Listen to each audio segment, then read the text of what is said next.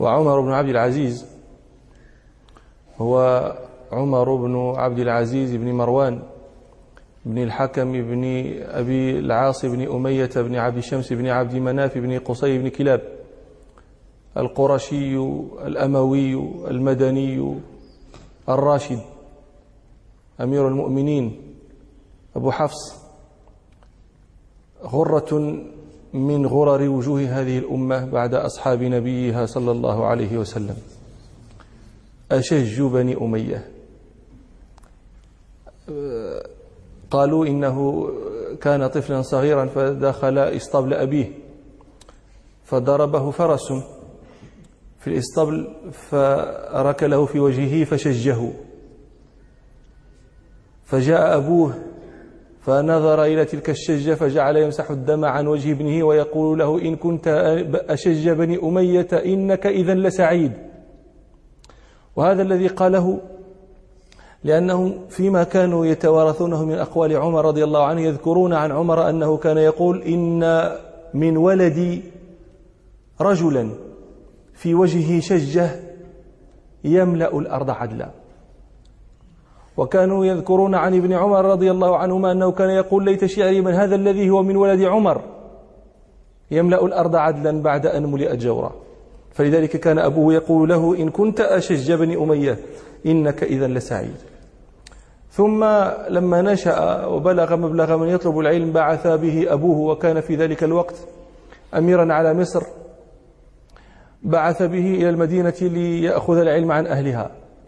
قال داود بن أبي هند دخل علينا عمر بن عبد العزيز في المدينة.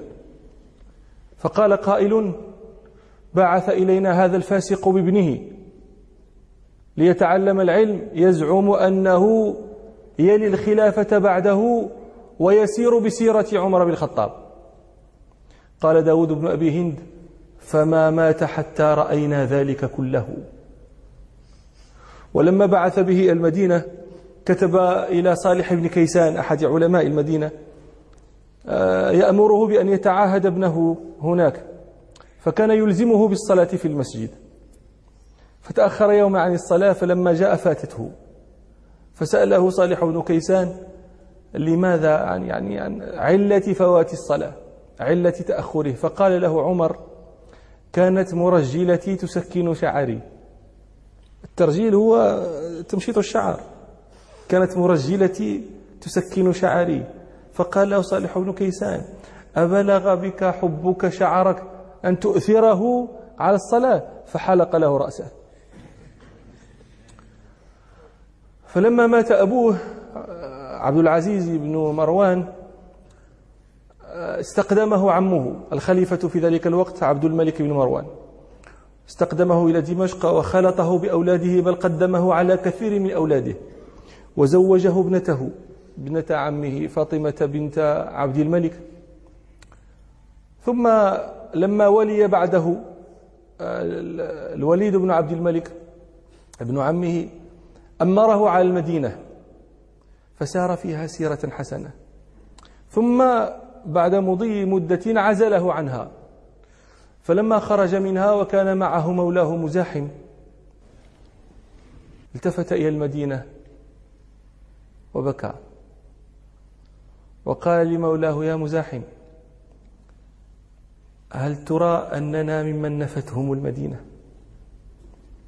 لأنكم تعلمون قول رسول الله صلى الله عليه وسلم المدينة كالكير تنفي خبثها فبكى وقال هل ترى أننا ممن نفتهم المدينة؟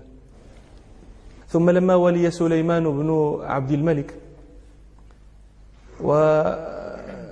وكان محبا لعمر بن عبد العزيز فجعله وزيرا ومشيرا وقال له يا أبا حفص إن ولينا هذا الأمر وليس لنا به علم فلا تدع شيئا من مصلحة العامة إلا أمرت به.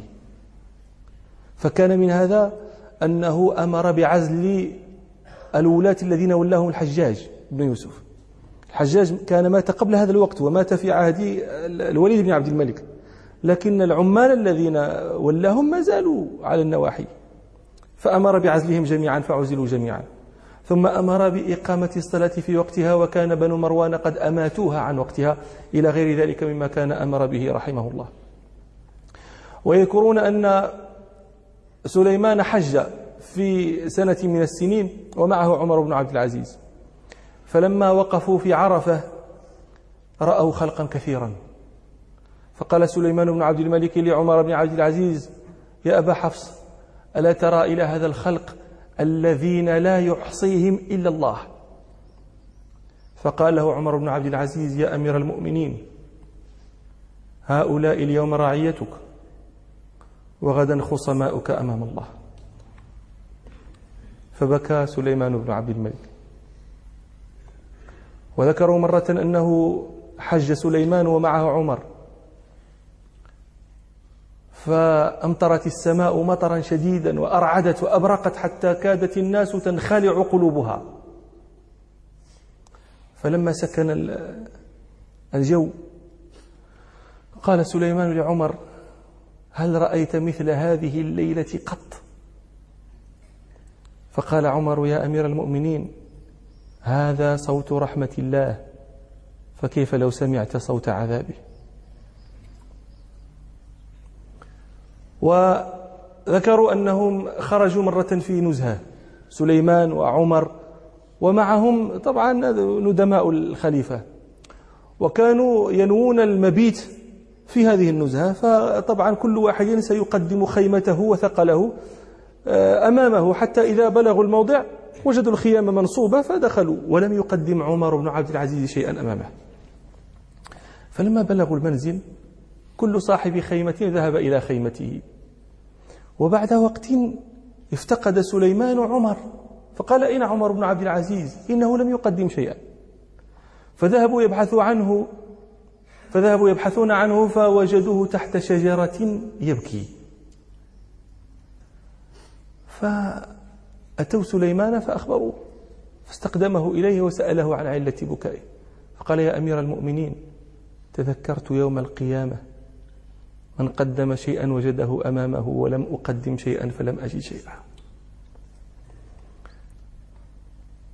ثم لما مرض سليمان بن عبد الملك مرضه الذي مات فيه قال رجاء بن حيوة الذي كان وزير صدق لبني مروان. رآني عمر بن عبد العزيز وأنا أدخل وأخرج وأتردد. فقال لي يا رجاء أذكرك الله وأذكرك الإسلام. أن تشير بي على أمير المؤمنين في هذا الأمر فإنه لا طاقة لي به ولا قدرة لي عليه. قال رجاء فانتهرته وقلت له إنك لحريص على الخلافة. يعني كأنك تقول له لا تشير بي كأنك تقول لي يعني تلمح إلي أن أشير بي. قال فانتهرت وقلت إنك لحريص على الخلافة قال فاستحيا وذهب. قال فدخلت على سليمان بن عبد الملك. فقال لي من ترى لهذا الأمر؟ فقلت يا أمير المؤمنين اتق الله فإنك قادم عليه. وسائلك عن هذا الأمر ماذا صنعت فيه؟ قال فمن ترى؟ فقال عمر بن عبد العزيز.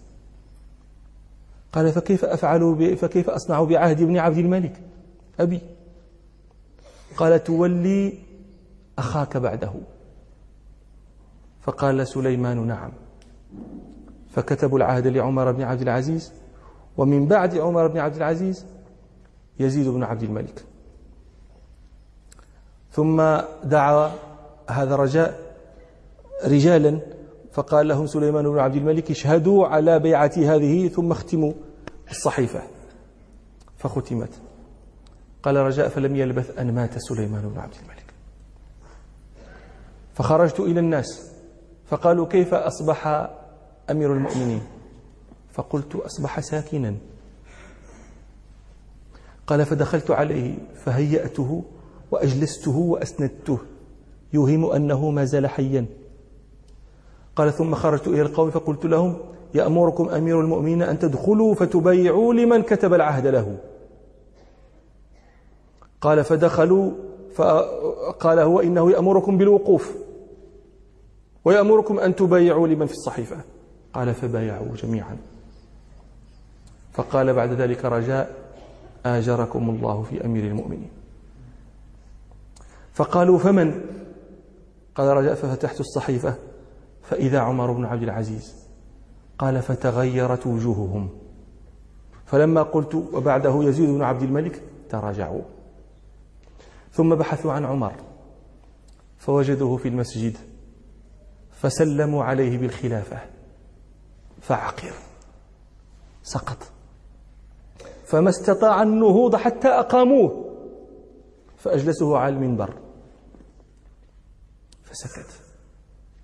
فلما طال سكوته قام رجاء بن حيوة فقال ألا تبايعون لأمير المؤمنين؟ فقاموا يبايعون. حتى إذا جاء هشام بن عبد الملك ومد يده للبيعة فمد يده عمر يبايعه. قال هشام إنا لله وإنا إليه راجعون. فقال عمر نعم إن لله لما صار يلي هذه الأمة أنا وأنت. ثم قام في الناس خطيبا فحمد الله وأثنى عليه. وقال أيها الناس إني فارض إني قاسم ولست بفارض. وإني متبع ولست بمبتدع. وإني لست بخيركم ولكني أثقلكم حملا. وإن من حولكم من أهل الأمصار إن أطاعوا كما أطعتم فأنا واليكم. وإن لم يطيعوا فلست لكم بوال. فقربوا له مراكب الخلافة. فقال بغلتي أو فقلي فقالوا له أتنزل دار الخلافة؟ قال فيها عيال سليمان وفي بيتي كفاية. فدخل بيته. قال أحد غلمانه وقد رآه منصرفا رآه مغتما. فقال له ما لي أراك مغتما؟ فقال عمر لمثل ما أنا فيه فليغتم. إنه ليس أحد من هذه الأمة إلا وأنا أريد أن أوصل إليه حقه من غير أن يسأله مني ولا أن يكتب إلي فيه. ثم بدأ بقومه ببني إخوته وبني عمه. فنزع ما في أيديهم من الأموال وسماها مظالم. فبعثوا إليه عمته. فاطمة بنت عبد الملك. فلما جاءت قال لها تكلمي يا عمة؟ فقالت أنت أولى بالكلام يا أمير المؤمنين. فقال لها يا عمة إن الله عز وجل بعث رسول الله صلى الله عليه وسلم رحمة ولم يبعثه عذابا واختار له ما عنده. فترك لهم نهرا شربهم فيه سواء. ثم قام بالأمر بعده أبو بكر فترك النهر على حاله. ثم قام عمر فعمل فيه بعمل صاحبه. ثم لم يزل النهر يشتق منه يزيد ومروان وعبد الملك والوليد وسليمان حتى أفضى الأمر إلي وقد يبس النهر الأعظم. ولن يروي أهله حتى يرجع إلى ما كان عليه. فقالت له عمته فلست بذاكرة لك شيئا. وخرجت إلى بني مروان وأخبرتهم وعلمتهم أنه لا حاجة في مسألته فإنه لا هودة عنده. ثم كتب إلى عماله إلى كل أحد منهم يقول لهم إذا نظرت إلى قدرتك على خلق الله فتذكر قدرة الله عليك. ثم دخل بيته ودخل غرفة فتبعته زوجته فاطمة, فاطمة هذه بنت عبد الملك قالت فوجدته جالسا واضعا يده على خده سائلة دموعه. فقلت له يا أمير المؤمنين أحدث شيء؟ قال تفكرت في أمر هذه الأمة. فتفكرت في الفقير الجائع وفي المريض الضائع وفي العاري المجهود وفي المظلوم المقهور وفي الغريب المأسور وفي الكبير ذي العيال. فعلمت أن الله سائلني عنهم. وعلمت أن الذي يخاصمني فيهم رسول الله صلى الله عليه وسلم. فخفت أن لا يقبل الله مني عذرا فيهم وأن لا تقوم لي حجة أمام رسول الله صلى الله عليه وسلم فرحمت نفسي فبكيت. ودخل عليه مرة في بيته أشراف قومه أشراف بني مروان فقال لهم أتحبون أن أولي كل واحد منكم على ناحية؟ فقال له أحدهم لم تعرض علينا ما لا تفعل؟ فقال لهم أرأيتم بساط هذا؟ والله إني لأعلم أنه يصير إلى بلا سيبلى ويطرح ويقذف ويرمى به. وإني والله أكره أن تدنسوه علي بأرجلكم. أفأوليكم دين؟ أفأوليكم ديني؟ أفأوليكم أعراض المسلمين وأبشارهم تحكمون فيهم؟ فقالوا له أما لنا حق؟ أما لنا قرابة؟ فقال لهم ما أنتم وأقصى رجل في الأرض عندي في هذا الأمر إلا سواء. اشتهى مرة عنبا. فقال لفاطمة أعندك درهم أشتري به عنبا؟ فقالت لا. ثم قالت له أنت أمير المؤمنين ولا تقدر على درهم؟ فقال لها يا فاطمة ذلك أهوان من معالجة الأغلال في جهنم. ومرة دخل على فاطمة فضرب على كتفها وقد رأى الضيق ضيق عيشها. فقال لها لنحن ليالي دابق أنعم منا اليوم. فقالت له ما كنت أقدار على ذلك منك اليوم. أنت لا يدابق كنت أميرا من الأمراء. أما أنت اليوم خليفة فعلى التنعم أنت اليوم أقدر منك أمس. قالت فاطمة فتولى وله أنين وهو يقول يا فاطمة إني أخاف النار. يا فاطمة إني أخاف إن عصيت ربي عذاب يوم عظيم. وقد سئلت مرة بعد موته سئلت عن حاله في عبادته فقالت والله ما كان بأكثر الناس صلاة ولا بأكثرهم صياما. ووالله ما رأيت أحدا قط أخوف لله من عمر. إن كان ليذكر الله وهو في فراشه فينتفض حتى نقول ليصبحن الناس ولا خليفة لهم. قال له مرة أحد إخوانه لو تروحت يا أمير المؤمنين خرجت في نزهة. فقال له فمن يقوم عني بعمل يومي هذا؟ فقال له أخوه تعمله غدا. فقال له عمر قد فدحني عمل يوم واحد فكيف لو اجتمع علي عمل يومين؟ فقال له هذاك يا أمير المؤمنين قد كان سليمان يتروح ويؤدي عمل يومه. فقال له عمر ولا يوم من أيام الدنيا أداه, أداه سليمان.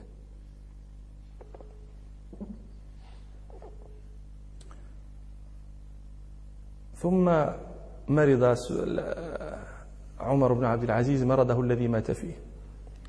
وكان قبله مات أخوه سهل ومات ابنه عبد الملك. ومات مولاه مزاحم. وهؤلاء الثلاثة كانوا أعوانا له على الحق. فلما مرض مرضه ذاك وثقل عن المشي زحف على ركبتيه إلى شن معلقة فقام إليها فتوضأ ثم قال ثم صلى ركعتين ثم قال اللهم إنك قبضت سهلا وعبد الملك ومزاحما وكانوا أعوانا لي على ما قد علمت. فما ازددت لك إلا حبا ولا فيما عندك إلا رغبة. اللهم فاقبضني إليك غير مضيع ولا مفرط. قالوا فما قام من مرضه ذاك حتى قبضه الله عز وجل. في مرضه هذاك دخل عليه ابن عمه مسلمة بن عبد الملك. فقال له يا أمير المؤمنين تركت عيالك ولا شيء لهم فأوصي. فقال له عمر ليس لي مال حتى أوصي. فقال له مسلمة يا أمير المؤمنين هذه مئة ألف دينار من مالي فأوصي فيها بما شئت. فقال عمر يا سليمان أو خير من هذا؟ تردها من حيث أخذتها. فقال سليمان جزاك الله خيرا يا أمير المؤمنين. لقد ألنت لنا قلوبا قاسية وتركت لنا في الصالحين ذكرى سبب مرضه أنه أن بني أمية سقوه السم لأنه يعني ما, ما, ما استطاعوا على تلك الشدة التي آه، كان يعاملهم بها. فسقه السم أمروا غلاما له ليسقيه السم فسقاه. لذلك هو سأل مجاهدا فقال له ماذا يقول الناس؟ عن مرضي هذا. قال يقولون مسحور. قال لست بمسحور. ثم دعا غلامه فقال ويحك ما حملك على أن سقيتني السم؟ فقال له الغلام ألف دينار أعطيتها وأن أعتق. فقال له عمر هاتها فأتى بها فألقاها في بيت المال. ثم قال له اذهب حيث لا يراك أحد. دخل عليه وهو في مرضه ذاك دخل عليه مسلمة وفاطمة. فقالوا يا أمير المؤمنين تركت أبناءك ولا شيء لهم فلو وصيت بهم إلى أحد أخوالهم أو أعمامهم. فقال لهم إن بني أحد رجلين رجل صالح فالله يتولى الصالحين. وغير ذلك فلن أكون أول من أعانه على معصية الله. ثم قال ادعوا لي بني فدخلوا عليه وهم غلمان صغار. فلما نظر إليهم ترقرقت عيناه. وقال بنفسي يعني أفدي بنفسي فتية تركتهم ولا شيء لهم. ثم قال بلى. قد تركت لهم خيرا كثيرا. يا بني إنكم لن تمروا بأحد من العرب أو من أهل ذمتهم إلا رأوا لكم عليهم حقا. يا بني إني تمثلت بين أمرين. إما أن تستغنوا ويدخل أبوكم النار أو تفتقروا ويدخل أبوكم الجنة. وأن وكان أن تفتقروا ويدخل أبوكم الجنة أحب إلي. انصرفوا عصمكم الله. ثم قال لابن عمه مسلمة ولزوجته اخرجوا عني. فلما خرجوا وقفوا بالباب يتسمعون فسمعوه يقول مرحبا بهذه الوجوه التي ليست بوجوه إنس ولا بوجوه جن. ثم قرأ قول الله تعالى تلك الدار الآخرة نجعلها للذين لا يريدون علوا في الأرض ولا فسادا والعاقبة للمتقين. ثم هدأ الصوت. فقال مسلمة لأخته إن صاحبك قد قبض. فدخلوا فوجدوه قد قبضه الله إليه. سنة إحدى ومئة عن تسع وثلاثين عاما ونصف. ما كمل العقد الرابع. وقلب الدنيا. أتدرون كيف قلبها؟ أفنى فيها الفقر. أزال الفقر أزال الحاجة. حتى قال القائل كان الرجل يؤتى يأتي بالمال الذي له بال. فيقول اجعلوا هذا في مصالح المسلمين فما يبرح حتى يرجع بماله كله. قالوا قد أغنى عمر الناس. والحاصل أن هذا الرجل حجة أقامها الله على كل من يلي أمر المسلمين حتى تقوم الساعة. كل من يلي أمر المسلمين فيتحجج بأنه لا يستطيع وأنه لا يقدر وأن الزمن وأن الوقت وأن المعين وأن الناصر وأن وأن وأن يحتج عليه بعمر بن عبد العزيز. من شعره رحمه الله كان من كلامه كان يقول إن استطعت فكن عالما فإن لم تستطع فكن متعلما فإن لم تستطع فأحبهم فإن لم تستطع فلا تبغضهم. وكان من شعره الذي يكثر أن يقوله من كان حين تصيب الشمس جبهته أو الغبار يخاف الشين والشعث ويألف الظل كي تبقى بشاشته فسوف يسكن يوما راغما جدثا.